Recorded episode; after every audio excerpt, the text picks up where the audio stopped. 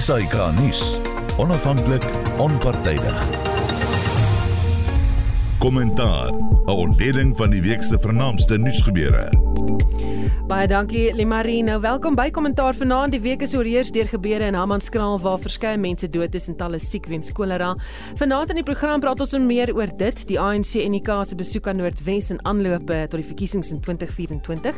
Eskom en die minister van elektrisiteit en sy pligstaat. My gaste vanaand is Liesel de Lange, senior verslaggewer by Rapport. Goeienaand Liesel. Goeienaand almal. Dr. Oscar van Heerden, politieke ontleder. Goeienaand Oscar. Goeienaand Susan, goeienaand aan die luisteraars. En die politieke skrywer en joernalis Jan Jan Jouberg. Goeienaand Jan Jan. Goeienaand Susan, Liesel, Oscar en luisteraars. My klankregisseur is Jady Labeskagni en ek is Susan Paxton.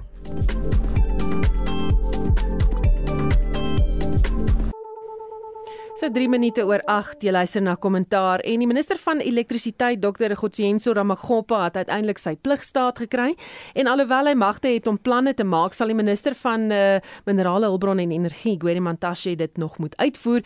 Die president het afgelope week die pligstaat onderteken en Liesel, ons begin sommer by jou, wat dink jy hiervan?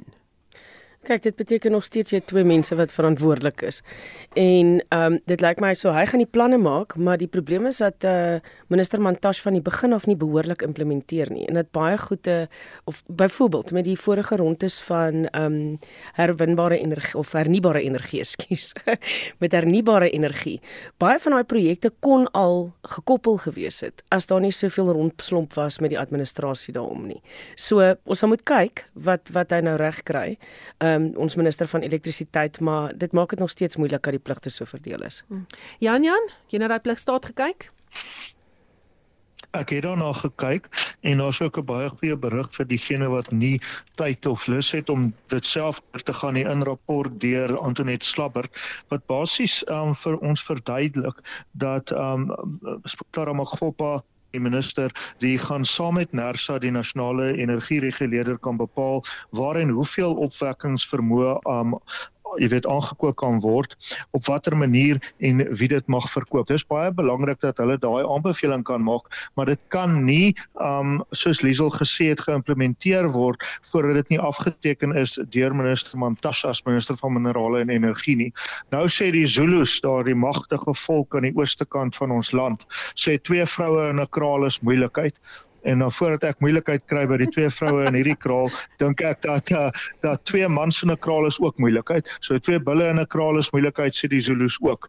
Die punt van die saak is as jy twee mense het wat moet besluit oor 'n saak, dan het jy twee sentrums van mag en dit is nie goed vir die uitvoering daarvan nie. Dis tipies van meneer Ramaphosa dat hy 'n diplomatisiese oplossing gaan kry, maar is ook tipies van hom dat dit nie enige vorm van werklike jy weet gedrag en besluitneming in die hand werk nie. Asker, wat is die president se plan hier? Hoekom die pligstaat so opstel dink jy? Kyk, ek dink die die probleem is Susan is die feit dat daar al reeds uh, wetgewing is uh, rondom die minister van energie en en minerale en kiesmeer en dis net 'n bietjie moeilik. As jy daai pligstaat verdere magte wil gee dan beteken dit die hele 3 ministers se wetgewing moet dan uh, bespiegel word en parlement toe gaan en so aan. So ek dink dis eintlik die rede hoekom hy nou hierdie die two steps soos hulle sê probeer. Maar ek dink tog die positiewe ding vir my is die feit dat daar's nou iemands niks soos Ramaggopa wat nou sy self sy denke op die tafel kan sit. Ek stem saam met Jan Jan en Liesel, dit beteken nog steeds dat uh, Gwede Mantashe nog steeds dit implementeer, maar nuwe idees is wat ons gaan kry hopelik van Ramaggopa. Hmm. Het die kragkrisis al verbeter sedert Ramaggopa, jy weet, daardie luisels oorgeneem het, Liesel? Jou gesig sê vir my iets anders. Jong, as ek nou as as mens na ons uh, beerdkragskedules kyk, sou ek nie sê enigiets het verbeter nie. Dit raak intedeel dit raak al hoe erger. Hoewel ek dink ons is nou op fase 5. Hoewel mens eintlik amper sukkel om by te hou met op watter fase ons is, dis amper om te ewe. Maar ehm um, ja, dit daar nog nie werklik enigiets weer verbeter nie, maar wat wel interessant is is dat daar weer baie groot klem gelê word op Cape Powership. Ehm um, Kaappowership het nou toestemming om in die hawens aan te kom wat hulle vroeër nie kon kry nie. So dit lyk asof daai en Mashatile, ehm um, adjunk president Mashatile het vroeër ook gesê dat wees gereed vir die skepe op die horison. Nou weet mense voel so half in die oorspronklike bid wat 'n bot wat hulle ingesit het sodat dit 'n 20 jaar projek wees. Dit sou ontsettend duur gewees het. Dalk kyk ons hier wel na 'n noodmaatreël wat vir 2 of 3 jaar geld wat ons kan help om beerdkragte bowe te kom want iets moet gedoen word. Ons kan nie so voortploeter tot tyd en wel daar nuwe kapasiteit in Suid-Afrika self gebou is nie. Mm. Jan Jan wat dink jy waar moet Ramakgopa begin eintlik Wel, ek kan hy's daarom nou personeel. Jy weet dit het lyk my 2 maande gevat vir hom personeel te kry van die president af. Nou om iemand. Die een spul mense in die energie sektor wat deur Amagopa baie goed vaar is diegene wat petrol verkoop want hy is besig om die hele land te deurkruis om alles te hoor wat sy voorgangers ook gehoor het. Maar tot dusver is dit um weinig dade wat ons van sy kant af sien. Die Carpower ships waarna Liso verwys is hierdie Turkse maatskappy wat die elektrisiteitsskepe um verskaf aan lande in Wes-Afrika en ook het hulle al in Suid-Amerika sukses gehad. En ek dink die belangrikste ding hierso is dat dit moet 'n openlike proses wees.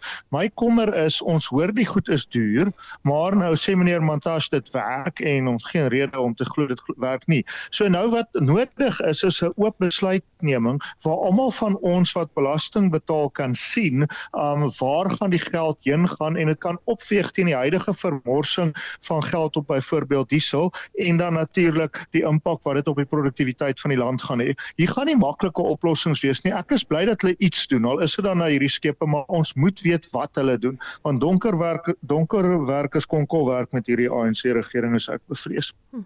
Oscar, waar dink jy met Ramagopa begin? Is hierdie eh, weet skepe die antwoord? Wel kyk ek dink die skepe is een van die antwoorde. Die feit van die saak is ek stem saam met Liesel, ons het nuwe kapasiteit nodig en ongelukkig beteken dit dat jy kan maar nou hoe uh werk doen in terme van die ou die ou stasies en en die die gasturbine en so voort maar die feit van die saak is dis nie nuwe kapasiteit wat op die stelsel kom nie. Is net as ons nuwe kapasiteit kry wat ons dan kan sê daar's nou 'n bietjie van 'n verligting op die op die op die stelsel. Nou kan ons uh maintenance werk doen op die opsom van die van die vol die die kragstasies en so voort. So ek dink die beginpunt is presies dit. Ek dink hy die rede hoekom hy sê dat nou hier by die einde van die jaar gaan dinge 'n bietjie ligter word is omrede hy weet die hernuwe uh uh energie gaan gaan begin uitkom in terme van wind en solar, maar ook uh, onthou hy het ons gesê dat hulle is besig om te werk op die 6 uh, gasturbine uh, kragstasies. So ek dink dit gaan ook aanstream kom en dan natuurlik laastens uh, daai ekstra kapasiteit. En ek stem saam met Jan Jan waar die die die kwessie lê is ons kan die Cape Power ships inbring, maar definitief nie op 'n 20 jaar periode nie. Dit gaan te vergaande wees in terme van die bedrag geld want hulle praat al reeds van eers rondom 200 miljard rand. Goed, uh, Liesel Ek dink die, die ander belangrike ding wat uh, wat uh, Ramakgopa hulle ook dringend na moet kyk of wie ook al spesifiek daarvoor verantwoordelik is. Ek's nie seker of transmissie deel van sy verantwoordelikheid is nie, maar die die probleem is ons kon byvoorbeeld met die vorige ronde windkrag um is niks toegeken nie omdat daar nie kapasiteit is om die krag te te versprei nie of te vervoer nie. En so transmissie is ook 'n baie belangrike kwessie waarna ons baie dringend moet kyk op die dier. Want dit help ook nie ons probeer nuwe kapasiteit bou maar ons kan dit nie die netwerke bestaan nie om dit te versprei nie. Jan daar is dalk binnekort 'n vrou aan die stuur van sake by Eskom volgens bronne van rapport. Ayanda Noah op die kortlys vir die bestuurshoofpos. Dink jy dis iets waarna sy gaan kyk? Wel, dis ten minste net een vrou, né? ek spot net. Ek spot net.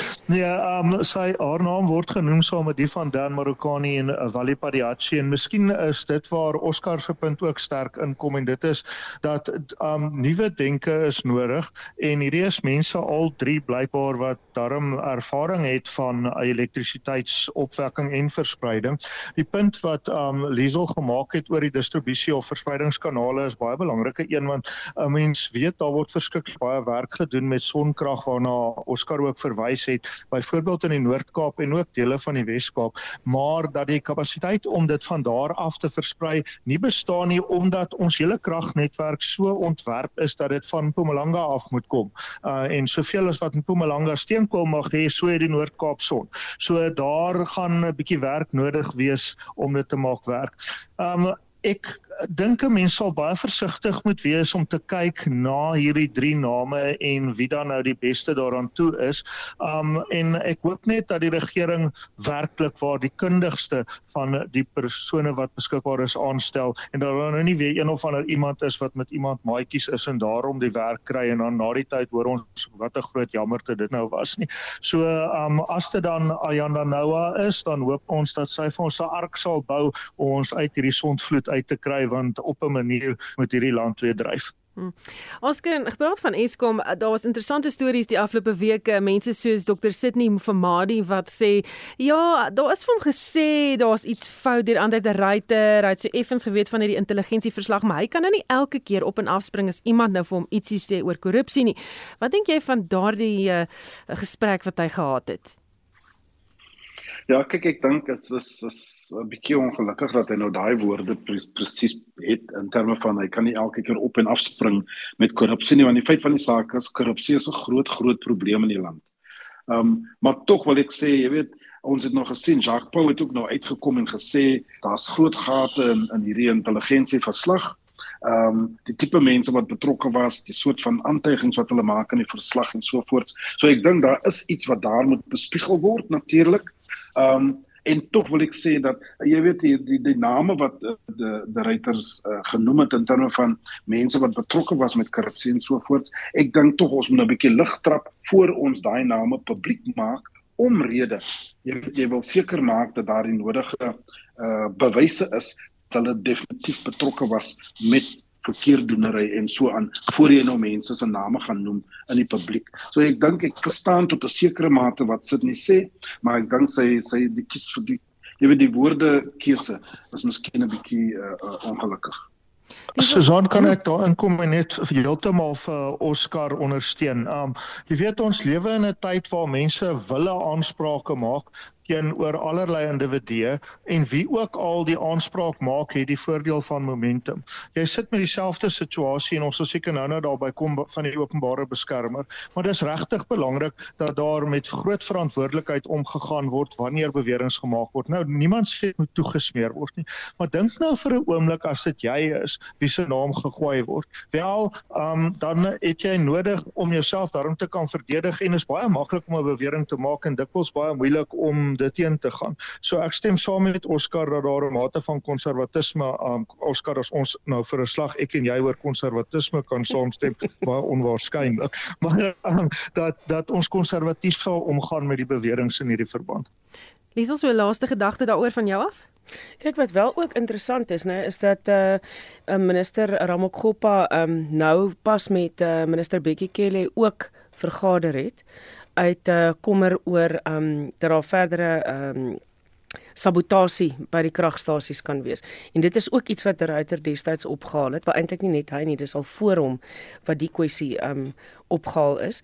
So hulle kyk ook na verbeterde sekuriteit in elk geval. Dis nou weet benewens korrupsie is nou 'n bietjie van 'n ander saak wat op 'n ander manier ondersoek word, maar dat ons ten minste probeer kyk dat ons nie met verdere ehm um, sabotasie sit by ons kragstasies nie. Dis 'n storie wat ons lank nog oor gaan gesels.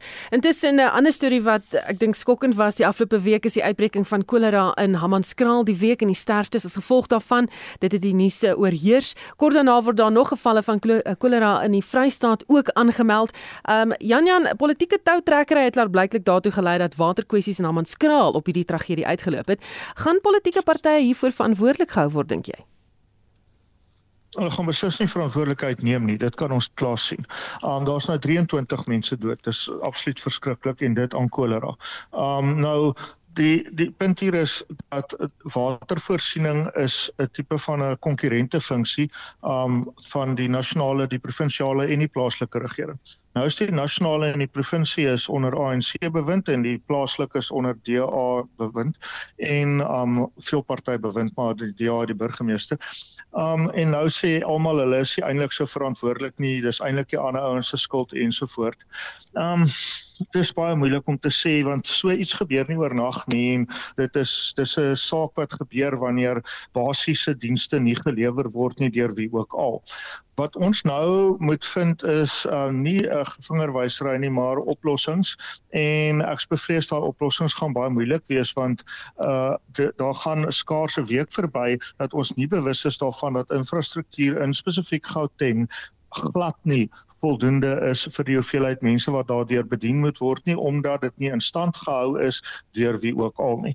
En um die punt hier is om 'n oplossing te vind wat spesifiek Amanskraal betref die Rooiwal um probleme van van hoe lank al af aan wat alselfs tot 'n tussenverkiesing gelei het. Daar was ontevredenheid by die destydse uh, DA raadslid wat daai spesifieke gebied verteenwoordig. Hy het toe bedank, hy het vir Action SA gestaan, hy het nie die paal gehaal nie. Daar's 'n nuwe raadslid in. Maar die punt is dis nie 'n politieke stryd hierdie nie. Dit moet 'n gesondheidsstryd wees en is 'n goeie tyd vir almal om saam te staan en bietjie minder vinger te wys dink ek. Ons kyk of voorkom of daar nie geld is om hierdie watersuiveringswerke nou reg te maak nie. Ehm um, nog 'n tragedie van korrupsie. Wel, dit is nie nodig korrupsie. Korrupsie is natuurlik een element, maar daar's ook die die die feit van die saak is daar's ook groot uh begrotings wat net groter en groter word per jaar en jy weet mense wat nie die nodige vaardigheid het om hulle kop bo water te hou as ek nou so kan stel rondom dit nie. Maar ek dink jy weet ek stem saam met Jan Jan rondom die basiese dienste. Dit dit, dit was nie afgelewer nie, maar tog die ander groot kommernis vir my is spesifiek die tegniese mense, ingenieurs en dis wat hmm. ons nodig het in waterwerke en ook in elektrisiteit en so voort want dit blyk vir my jy weet jy kry vaardigheid, daar's mense wat aftree en so voort. Ehm uh, mense wat natuurlik voel hulle hulle beweeg aan, maar daardie spesifieke uh, vaardigheid word nie weer vervang nie. En dit is ook 'n groot groot uh, kommernis veral op die plaaslike op die plaaslike vlak. Um, en ek dink dat daai element het ook 'n rol gespeel in hierdie ongelukkige situasie. Liesel die graderingsagentskap Ratings Africa die afgelope week 'n verslag bekend gemaak oor die finansiële volhoubaarheid van munisipaliteite. Net twee metro's uh, van die 8 kon 'n punt bo 50 kry. Jy het nog statistiek weet ek daaroor byvoorbeeld die uh, munisipaliteite en hoe hulle funksioneer en of hulle nog kan dienste lewer. Wel kyk een van jou groot uh, die kyk dis dis skokkend om te dink dat ons in die hoofstad kolera het van Suid-Afrika. Maar En daar was nou etlike gevalle vroeër in die jaar in Februarie het ons ook gevalle gesien in Ekurhuleni in Johannesburg. Dit is nou verder ook in die Vrystaat aangemeld. Maar die groot probleem is dat ons waterwerke en ons rioolsuiweringsaanlegte landwyd in 'n geweldige toestand is. Omtrent 80% van watersuiweringsaanlegte in die land funksioneer nie behoorlik nie en 90% van rioolaanlegte. Wat beteken die meerderheid rioolaanlegte stort rou riool of halfverwerkte riool in ons waterbronne in. So hierdie probleem met kolera of watersiektes, ek meen jy kry ook gereeld ehm um, E. coli in die water en ander weet diarree en goeters wat mense kry. Dit gaan dit gaan net al hoe erger word. En Ongelukkig wa waarskynlik verskeie waterkenners al toe die elektrisiteitsprobleme nou al hoe meer intens geword het. Sê hulle nog heeltyd vir ons luistermense, elektrisiteit is julle een probleem, water is die volgende krisis. Want hierdie infrastruktuur soos Janjan en um, Oscar genoem het, word nie behoorlik onderhou nie.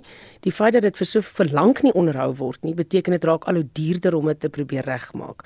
So nou sit jy met die tipe begrotings wat hulle noem in Tswane wat nodig is om daai waters waterwerke reg te maak, is net eenvoudig dis onbereikbaar. Daar's geen manier die, die metro kan daai tipe geld bymekaar maak nie. Hmm. Uh, ons het ook vroeër gesels oor wat is die impak van beurtkrag op hierdie watersuiwerings uh, aanlegte en en hierdie probleme kom eintlik al van voor beurtkrag wat daar nie behoorlik gekyk is daarna nie. Ja, beslis en ek meen 'n klomp van die die syfers daar kom gereeld data uit oor hoe in watter toestand ons water waterinfrastruktuur is. En soos jy nou noem natuurlik met beurtkrag saam raak die probleem al hoe erger. Ons weet byvoorbeeld in Johannesburg baie keer as ons 'n uh, vlak 6 of fase 6 uh, beurtkrag het, uh weet is daar van die hoogliggende dele wat kort daarna glad nie water het nie. So dit is ook jou tipe en dit al daai tipe goed beskadig in elk geval jou infrastruktuur verder. Hm. Ja, ja, as mens kyk na byvoorbeeld na die groot storms in KwaZulu-Natal, selfs nog in Desember maand kon mense nie regtig swem daar in die strand nie want uh, alles uh, het daar was kolera en E. coli in die water gewees. Ek weet nie seker hoe lyk dit nou daar nie. Maar ehm um, dink jy dat dit 'n probleem is wat die regering net miskyk? Um nee, ek dink nie hulle kyk dit mis nie, maar ek dink dis vir Oscar se punt so belangrik is en dit is dat is daar die kundigheid om iets te doen. Is daar die wil? Dis wat jy vra en dit weet ek nie, maar um die meer bekommerwekkende ding is is daar die kundigheid om dit te doen. Um die gevoel wat ek kry as iemand wat my jeug in Durban deurgebring het en dis 'n verskriklike groot belangstelling het in hoe dit in die eThekwini metro gaan, is dat dit nie beter gaan nie. Um daar is maar maar voortdurend probleme daar was in Tongaat. Um dis daar net noord van Durban, maar is in dieselfde metro. Um was daar hierdie um week weer groot on, om probleme daarso die burgemeester meneer Kahunda van die ANC sou die mense gaan toespreek het en hy het op die ou end wyslik of onwyslik besluit om nie te gaan nie.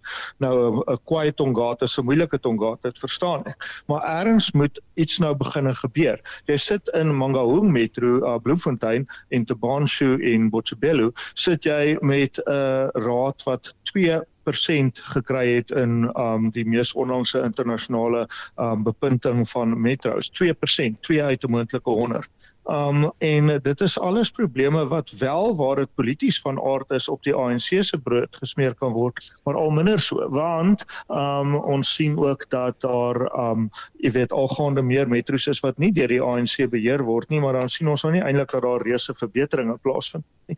So die vraag is, is daar die politieke wil om dit um te takel? Daarvan is ek onseker. Is daar die um die, soos Oscar gesê, die kundigheid om dit te doen? Daarvan is ek nog meer onseker en dis meer bekommerwekkend.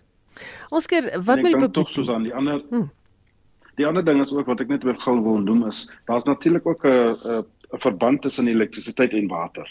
Want ek dink baie baie baie tye besef mense nie dat jy weet ons sal altyd wil hê dat waterwese en en plante met op hoogliggende gebiede wees waar dit water dan kan afhardloop, maar daar is baie baie uh, uh, instansies in ons land in waar water op trane moet gepomp word en en en hulle het pompe nodig om dit te doen. En ongelukkig met met krag uh, uh uh onderbrekings wat ons kry 4 5 ure per dag beteken daai pompe werk ook nie. En dit is ook wat natuurlik nou die probleem verder vererger um want water moet gedurig beweeg uh om ook seker te maak dat hulle nou nie die nodige bakterieë en dis meer inkry nie. En ek dink dis ook 'n groot kwessie wat wat uh uh jy weet wat 'n probleem is met die waterwese. Hmm.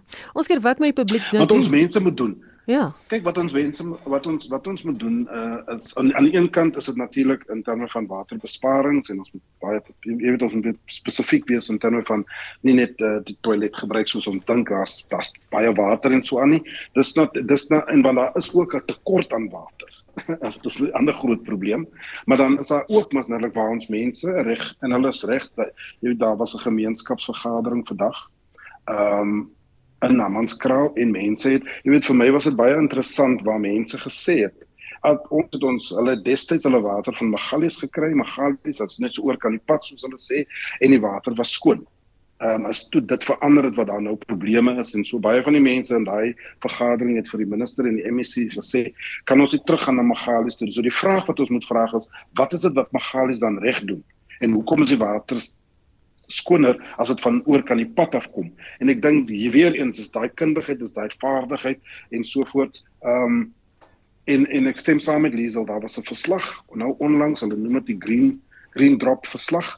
Ehm um, en meer as 80% van van ons waterwese is in 'n in 'n baie baie uh, tragiese uh, staat. Goed, Liesel, laaste gedagte daaroor? Natuurlik die ander plek. Ekskuus tog vir wat die regering eintlik uh, die mense van Hammanskraal gefaal het behalwe vir vir die feit dat hulle water in so 'n toestand is is die gesondheidsdienste kort daarna. Want uh, kollega Marizaan Kok van rapport het uh, Hammanskraal toe gegaan en met die families gepraat van mense wat dood is aan kolera wat gesê het maar daar was ook nie genoegsame mediese dienste nie. Daar was net vier verpleegsters op 'n stadium aan diens. Die verpleegsters het soos mal mense rondgehardloop om almal te help. Jy sit met 'n 'n 'n toestroming van pasiënte.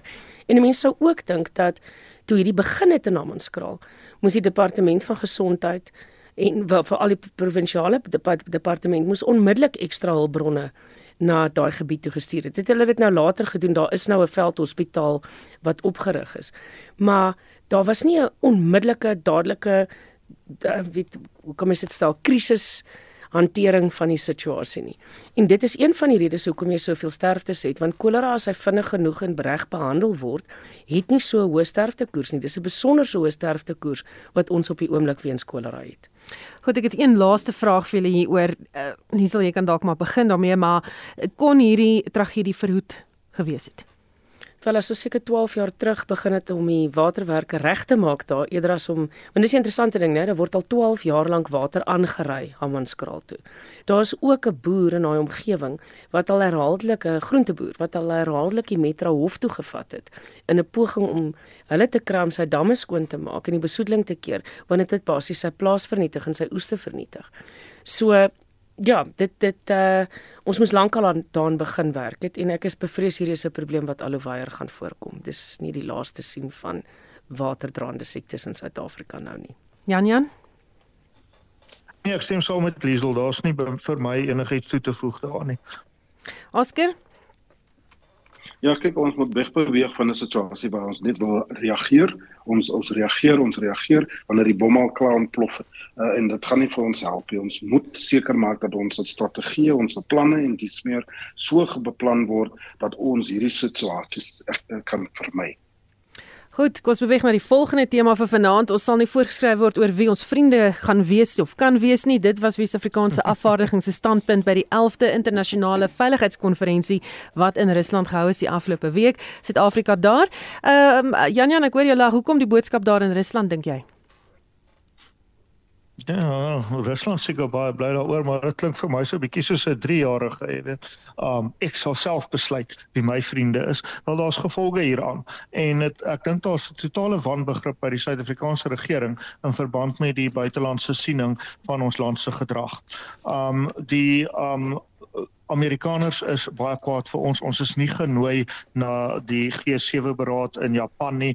Um en tyd kom dat ons die miljarde wat ons uh, vrygestel is van aan Amerikaanse handelstariewe dat dit word dit moet um jy weet versien word. En dit kom 2025 die Wes-Kaapse premier Ellen Wendy is tans in Amerika om minstens namens die Weskaap te probeer om te red wat daar te redde is, maar hier kan gevolge wees aan hierdie flirtasie met Rusland.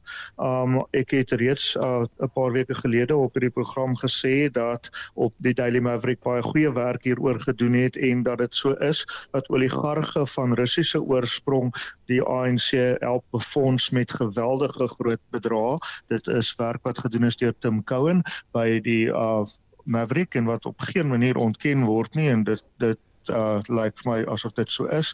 As dit so is, dan gaan baie mense baie duur betaal vir baie dom besluite. Ons kom nie eens by die morele punt daarvan om 'n land te ondersteun wat 'n ander land willens en wetens inval, sy vroue en sy kinders en sy mans laat vermoor en allerlei ander ding wegvoer.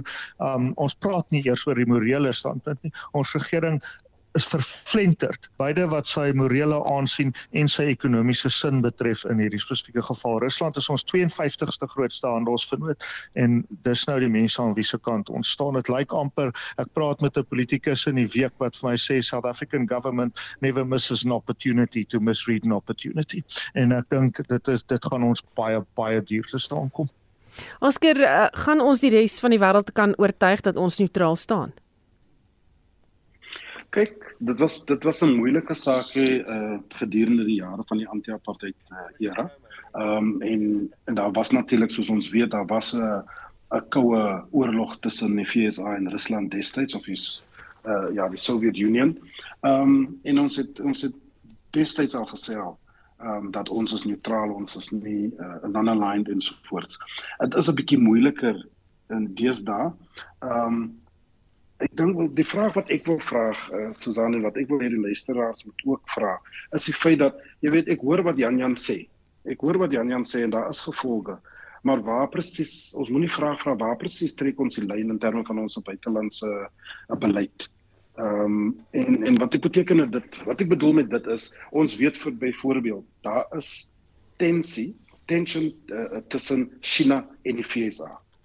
Die VSA voel dat China 'n bedreiging, hulle is al reeds besig om met ander ander situasies rondom Taiwan en dis meer. So vandag sê hulle vir ons hulle wil hê ons moet vriende wees met Rusland nie. En as ons se gaan luister gaan daar gevolge wees. En dan volgende week gaan hulle vir ons sê ons moet nie vriende wees met China nie.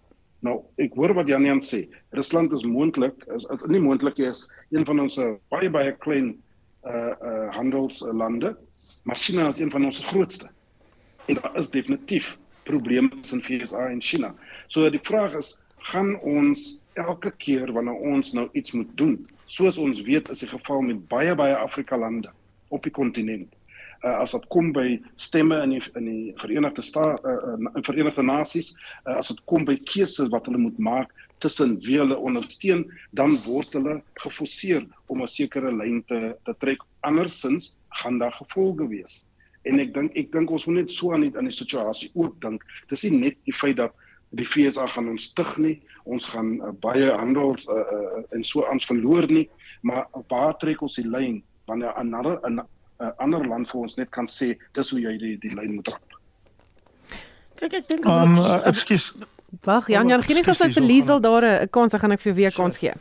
Kyk natuurlik Suid-Afrika is 'n soewereine land en ons kan nie voorgeskryf word nie maar ons sit hier met 'n situasie waar Rusland 'n aggressor is en ons kan nou maar sê wat ons wil en wat skus jammer julle van die agtergrond maar die feit bestaan Rusland het 'n soewereine staat ingeval en is besig om haar staat plat te skiet. En benewens in, in die ander ironie van die saak is die Oekraïne was deel van die Sowjetunie oor wie ons nou so sentimenteel is uit Suid-Afrika uit. So dit is interne oorlog tussen twee lande wat deel was van die Sowjetunie. In elk geval, maar die probleem is en is alles goed en wel om te sê ons moenie onsself laat voorskryf nie, maar daar is spesifieke gevolge daaraan om ons belangrikste handelsvennote te ehm um, weet um, ons bande met hulle te versuur. Die feit bly staan Rusland is nie 'n belangrike handelsvernoot nie. Ons kan nou uit beginsel uit sê ons weier om met Amerika saam te stem of ons gaan nou teen gaan wat hulle doen. Maar die feit bly staan ons gaan 'n geweldige klomp geld verloor. En daar gaan geweldig baie mense hulle werk verloor. En daar's geweldig baie boere wat hulle uitvoermarkte gaan verloor as daar 'n punt kom dat Amerika handelsbande met ons sny. En die regering sê die hele tyd swaalf maar ons is neutraal en ons lyk neutraal en daar's nog nie eintlik gevolge nie, maar daar was reeds gevolge. Want soos Janjan genoem het, ons is nie na die G7 toegenooi nie. Dis die eerste keer wat ehm um, president Ramaphosa nie G7 toegenooi is vandat hy president geword het nie. En wie is wel genooi? President Zelensky van die Oekraïne was daar en hy is die rooi tapuit is behoorlik vir hom uitgerol. Nou hou ook in gedagte dat Japan een van ons top 5 handelsvennote is. So ons is besig om daai ouens te vervreem as ons die besluit neem dat ons teen weet as ons teen ons eie handelsbelange gaan optree, dan moet die regering eerlik wees met die land en uitkom en sê dit is dit is die standpunt wat ons gaan inneem en maak julle self gereed vir die gevolge daarvan. Jan Jan Ja, nee, ek stem saam met Liesel. Ek bedoel Oscar se punt is is heeltemal korrek. Ons is 'n soewereine land. Ja, ons kan doen wat ons wil. Die feit is, dit is soos iemand wat wat mondig geword het wanneer jy daai reg het, moet jy dit met verstandigheid aanwend. Alle lande is soewerein. Geen land hou daarvan om voor voorgeskryf te word nie. Lande moet hulle keuses maak en ek meen wat Liesel sê is heeltemal reg en is absoluut voor die hand liggend. Ons ondersteun 'n land wat 'n ander land ingeval het. Los China uit. I mean China het hiermee absoluut niks te doen nie. Wel, dankie tog in hierdie stadium het hulle niks daarmee te doen nie. Ons praat hier oor Rusland. En soos Liesel sê, die land wat vir ons geondersteun het um, in die bevrydingsstryd, al nie dat ek in die bevrydingsstryd was nie, maar wat die bevrydingsbewegings ondersteun het, was die Sowjetunie waarvan Litouwe, Estland, Letland, Oekraïne en 'n klomp ander lande saam met Rusland deel was en wat toe hulle vryheid gekry het na 1990 baie soos in Suid-Afrika en ons moet 'n keuse maak. Jy kan nie so maak asof jy in die middel staan maar eintlik is jy die een kant goedgesind nie. Ons weet nie wat word op skepe gelaai en ons hawens nie so word gesê. Um ons weier om Rusland te veroordeel. Um en ons sit met uh, vier van ons vyf grootste handelsvennote, Japan, die Verenigde Koninkryk, die EU en die VSA almal aan een kant, China neutraal um en nie so aan die Russiese kant soos ons nie.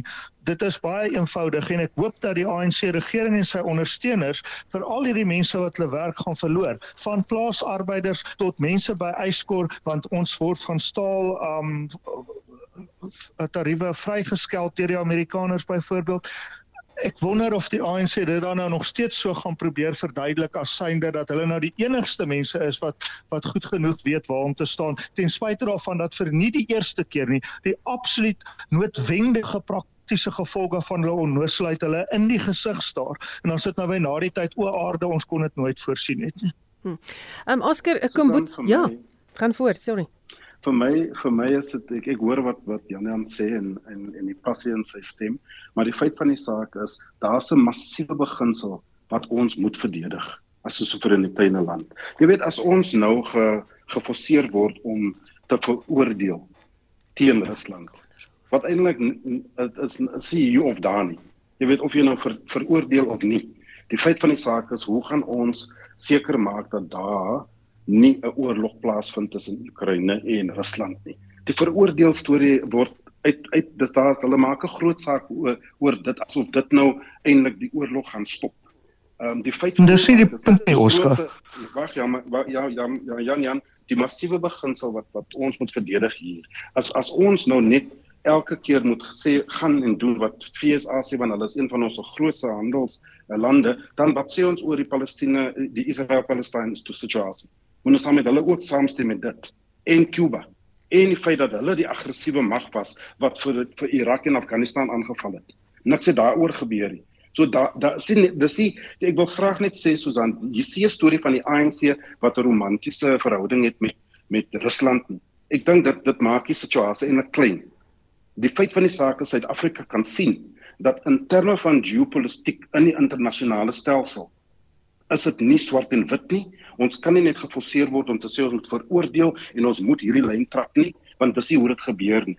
Jy kan maar hoe emosioneel wees oor die situasie, maar die die, die feit van die saak is as hulle dit kan doen omdat hulle ons bedreig en dan dan hulle moet ook 'n 'n 'n verantwoordelike uh partner wees in in in terme van handels.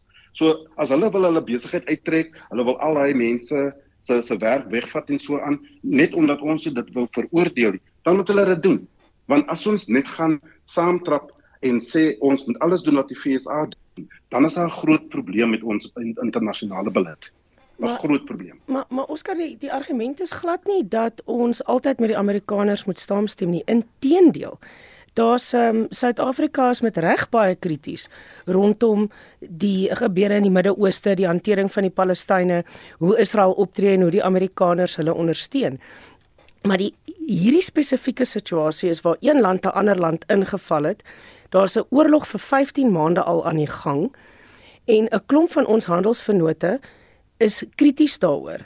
So as ons ons kan die keuse maak om teen hulle te gaan Behalwe nou soos Jan Jan vroeg gesê het, nou praat ons nie van die morele beginsel nie. Ons praat nou, nou net van handelsbande en wie wie en wie se kamp staan op die ouende. Maar die feit bly staan dit gaan ons duur te staan kom. En die vraag is wat is in belang van Suid-Afrikaners op hierdie stadium? En die eerste plek en in die tweede plek ook wat is die moraliteit rondom die konflik in die Oekraïne wat aan die gang is? Jan Jan? Ek weet Ja. Nee, skus Oscar, jy kan nee, antwoord nee, en dan kan Jan nee, Jan. Skus Oscar kan gerus praat. Nee, Oscar kan gerus praat. Ja nee, ek dink ja, go ahead. Ja, kyk van van van 94 af, van 1994 met ons demokrasie was deel 'n kwessie in terme van ons buitelandse beleid. Ehm um, as julle as julle onthou, die FSA en anders wil vir Mandela ook gesê het wat ons moet doen in terme van waar ons besig was in die DRC en Mandela het destyds gesê hy is die kaptein van sy skip. Uh dieselfde het gebeur rondom Bekkie in Zimbabwe waar Tony Blair en Bush uh jy weet soldate op uh, gebring het in in terme van deur Suid-Afrika na Zimbabwe toe en Bekkie se administrasie het gesê dit gaan nie gebeur nie nee. Ehm um, so dis iets niks nie. Die feit van die saak is en ek wil dit graag sê, jy weet ons is in 'n vennootskap met die FSA, met die EU, met die uh uh, uh met Brittanje en ons het natuurlik ooreenkomste met hulle, maar ons moet almal verantwoordelik optree. En die feit wat niemand van oor oor praat nie, is die feit dat wat gebeur nou gegee die feit dat die FSA 'n proxy oorlog het daar in Oekraïne met Rusland, wil hulle nou vir almal forceer om een te veroordeel en te sê Rusland is verkeerd, twee om sanksies en dis meer in 'n uh, uh, saam te stem wat nie internasionale sanksies is nie. Dis nie 'n uh, uh, uh, deur die Verenigde State, ag Verenigde uh, Nasies uh, organisasie deurgebring nie en so en so voort. So daar is 'n groot probleem hierso. Almal moet verantwoordelik optree en niemand moet aan die een of ander bedreig nie, want ek dink dit is die situasie wat ons nou het. Doen wat ons sê of anders. Hm. Janie, laaste gedagte van jou af.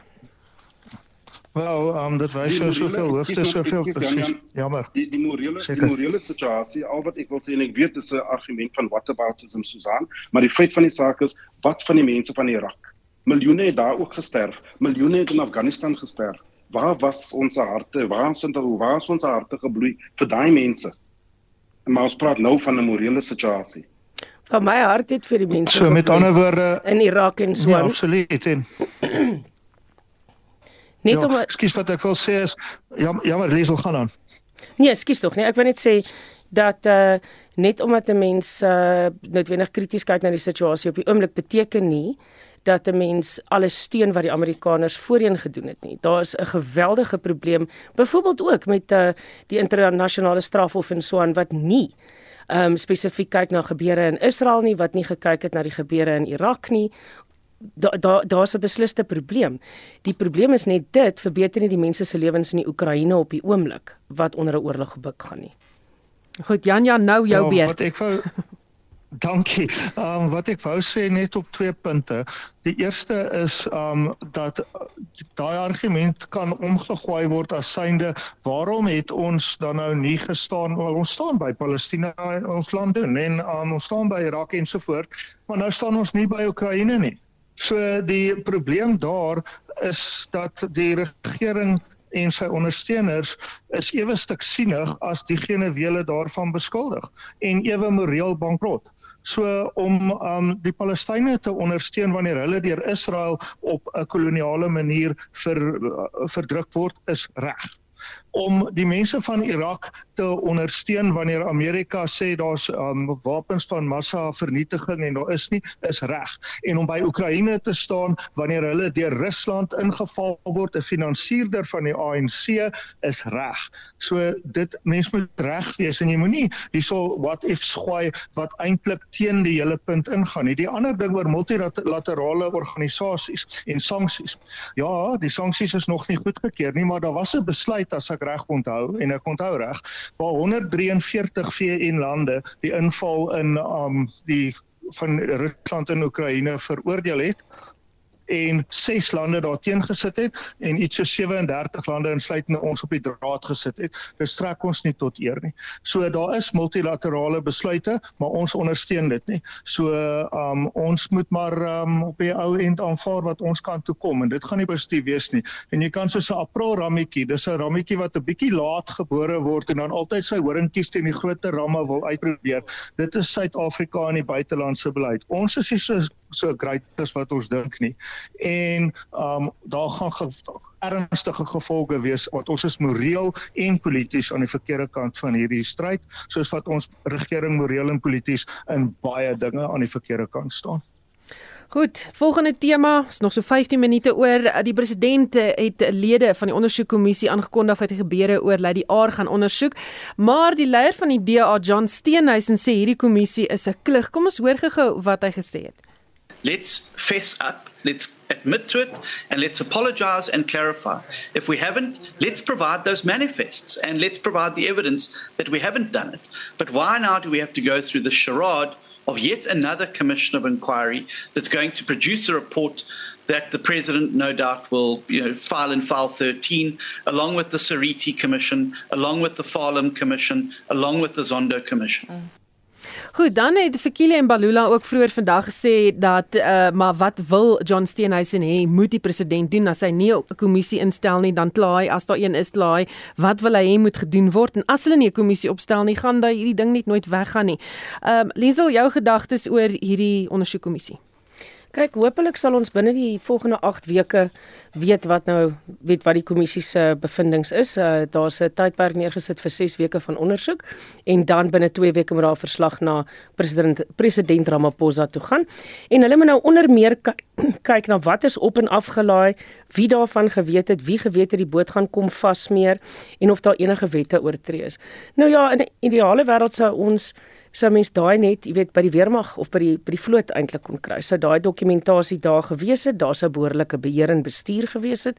Ons sou presies geweet het wat is op en af gelaai. Die ironie van die saak is terwyl die boot al daar gestaan het, was daar vrae.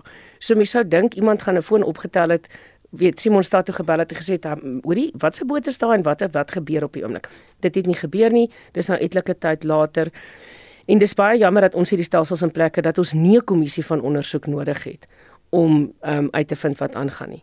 Maar hopelik gaan dit nou vir ons antwoorde bring. Dis natuurlik vir my baie kommerwekkend om te dink dat daar nie genoegsame beheer oor 'n vlootbasis is. Laat ons eenvoudig met 'n oproepie inligting kan kry eerder as om 'n kommissie aan te stel nie.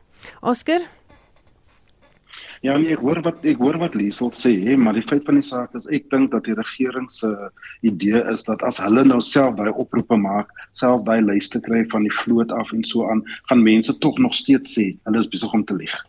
En dis ek dink dit is die rede hoekom die president besluit het gee dit vir 'n onafhanklike kommissie laat daar afgetrede uh, regter doen en in 6 tot 8 weke sal hulle hulle in terme van onafhanklik vir ons sê wat presies daaraan gegaan dan al sê by ons wat as die regering ek dink dis die idee wat wat die president mondelik uh, probeer sê het is al sê ons wat gaan mense sê nee dis is die waarheid nie hulle weet nie of hulle wat wat aan die linkerhand weet nie wat die regterhand doen en so aan nie. En die FSA self die ambassadeur uh, ambassadeur so aan sal ook vraagtekens het. So ek dink dis die rede hoekom hy gesê het doen liewer 'n onafhanklike storie met 'n onafhanklike regter sodat ons nie betrokke is daar nie en hulle sê vir ons presies. Hulle gee vir ons die antwoorde en wat wat wat daar gebeur het.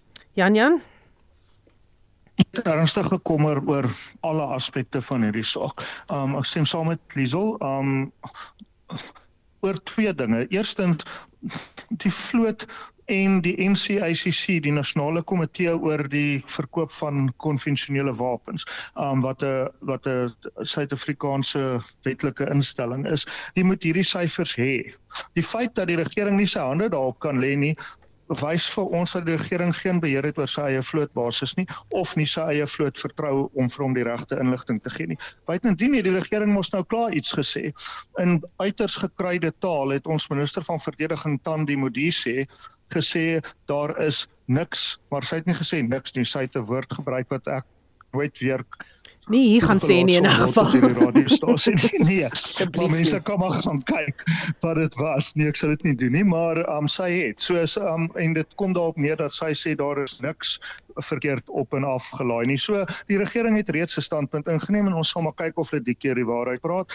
Uh jy weet geloofwaardigheid is 'n ding wat oor 'n lang tyd verwerf en verloor word en oor 'n lang tyd het ons regering daai geloofwaardigheid verloor. Daardeur um kan mens ook sê ek sou baie gemakliker gewees het as dit net regter Phineas Mojapelo was, uitstekende regter wat um die ding moet hanteer, maar nou kom daar 'n advokaat Lia Kabash by wat ek nie van weet nie, maar wie ek wel weet is die derde lid van die span en dit is meneer Enver Sirti. Meneer Enver Sirti ken ons baie goed want hy was lank vir die ANC in die parlement parlement. Hy was selfs op 'n stadium die minister van basiese onderwys. So die ANC sorg maar dat hy sy eie mense daar binne in hierdie sogenaamde onafhanklike paneel injaag.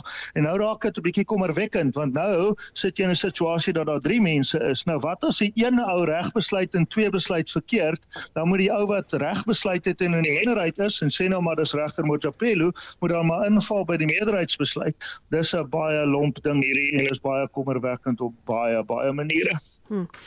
En nog 'n storie vandag oor Fikile en Balula. Hy sê die ANC se dalende steene te maak met lede self wat die party in 'n monumentale krisis gedompel het. Hy het ANC-lede van die Bonjanala streek in Rustenburg in Noordwes toe gespreek en gesê oppositie glo hulle kan die ANC ontroon, maar dit sal nie gebeur nie.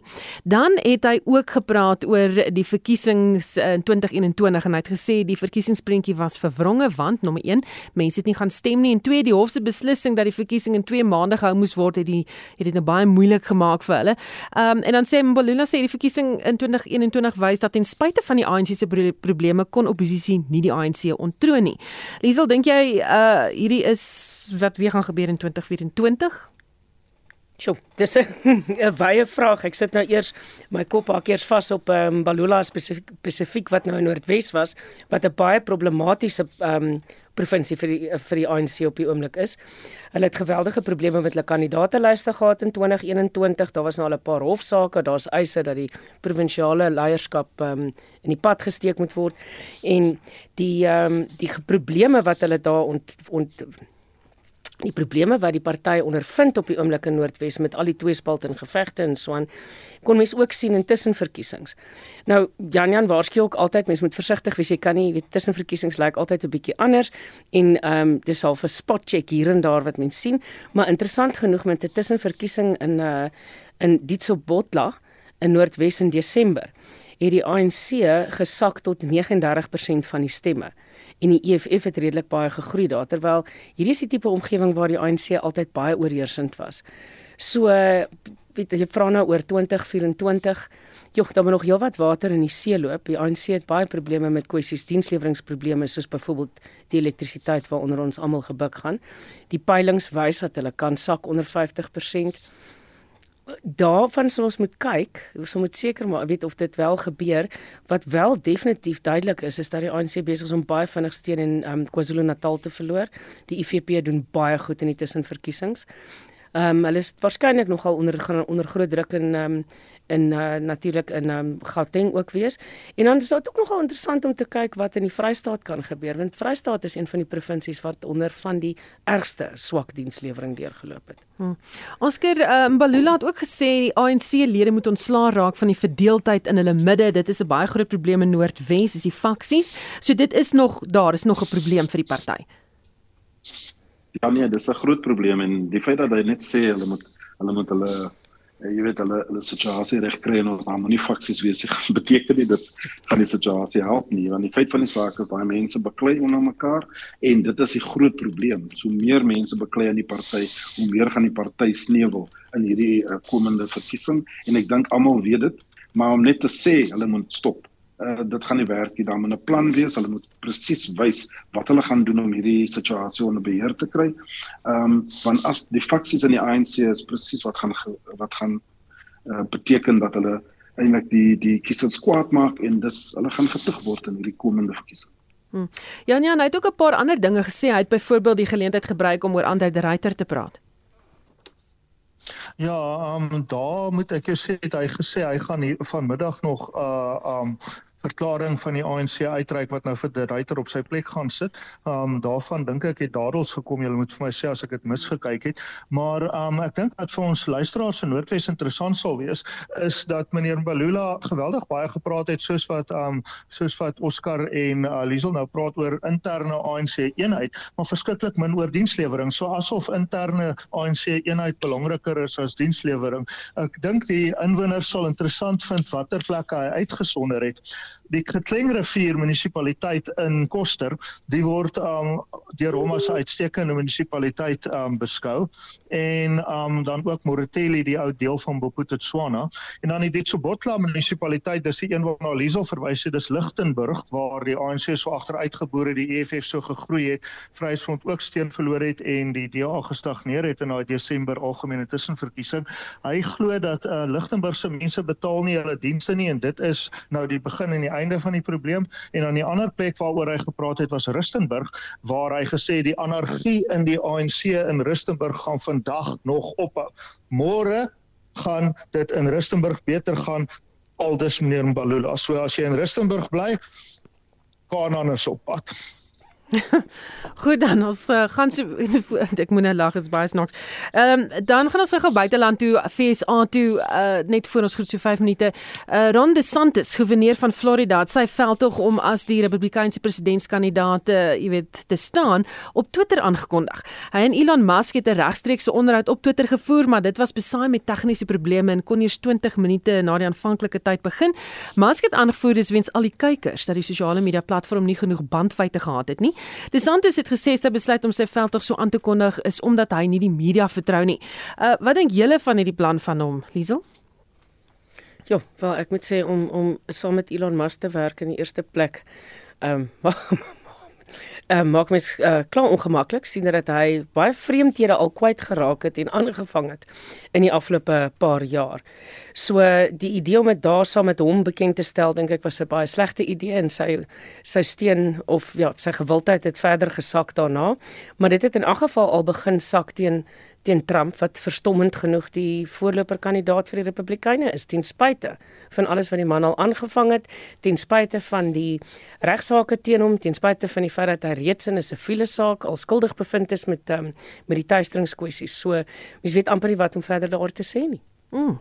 Uh, Oscar sal hy die paal haal as kandidaat. Nou kyk ek dink hy daar's dis daar's daar's natuurlik lesse wat hulle geleer het rondom Obama se uh, veldtog. Jy weet selfs uh, Obama het ook maar 'n groot deel van sy veldtog was uh, sosiale media, Twitter en ander uh uh platforms en ek dink daar is iets wat wat wat uh, DeSantis natuurlik sien waar hy nie net noodwendig jonger mense kan betrek nie, maar waar hy ook jy weet hierdie platforms kan gebruik tot sy tot sy voordeel.